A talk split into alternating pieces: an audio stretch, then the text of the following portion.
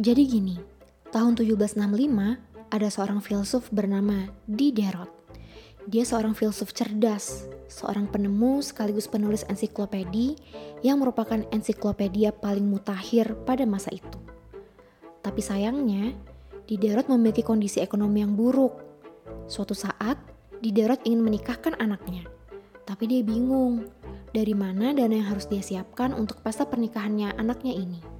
Isu Diderot ini terus menyebar, sampai akhirnya terdengar oleh Catherine the Great, seorang bangsawan dari Emperor Rusia. Catherine menawarkan kepada Diderot untuk membeli library-nya senilai 50.000 USD atau sekitar 750 juta rupiah. Diderot menerima penawaran dari Catherine dan Diderot bagaikan tertimpa dunia runtuh menjadi orang kaya raya dalam sekejap mata. Dengan uang yang dimilikinya, barang pertama yang dibeli adalah jubah mewah. Jubah mewah ini adalah akar dari semua masalah. Setelah membeli jubah mewah ini, Diderot berpikir untuk membeli aksesoris-aksesoris mewah lainnya untuk memperindah jubahnya, hingga menghabiskan sebagian besar uang yang dimilikinya.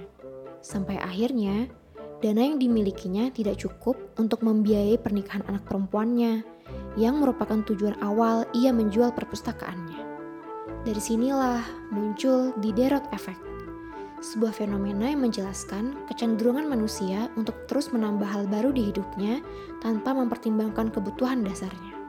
Kita memiliki kecenderungan mendahulukan keinginan kita dibandingkan dengan kebutuhan yang kita perlukan, yang membawa kita mengalami masalah yang lebih buruk dari sebelumnya.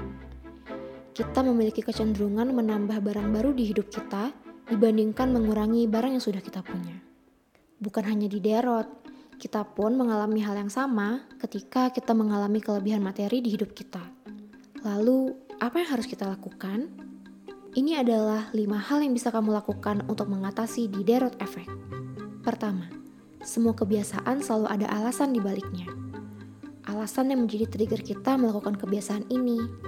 Trigger ini harus kita hilangkan. Contohnya adalah mengurangi aktivitas scrolling di marketplace tanpa ada kebutuhan yang jelas. Kedua, beli produk sesuai dengan standar hidup kita sekarang. Seperti kita tidak harus membeli produk yang sedang trending, yang ketika tren itu menghilang, produk itu menjadi terbengkalai dan menjadi produk yang tidak pernah lagi kita pakai. Ketiga, atur limit diri sendiri. Pahami apa kebutuhanmu, alokasikan pengeluaran sejumlah dengan kebutuhanmu, dan keluarkan uang untuk kebutuhanmu ini terlebih dahulu. Keempat, buy one, give one.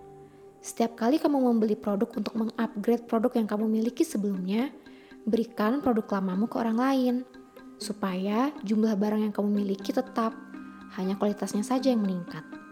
Kelima, stop wanting things. Hal yang harus kamu sadari adalah keinginan hanya ada di kepala, bukan di dunia nyata. Yang ada di dunia nyata adalah kebutuhanmu.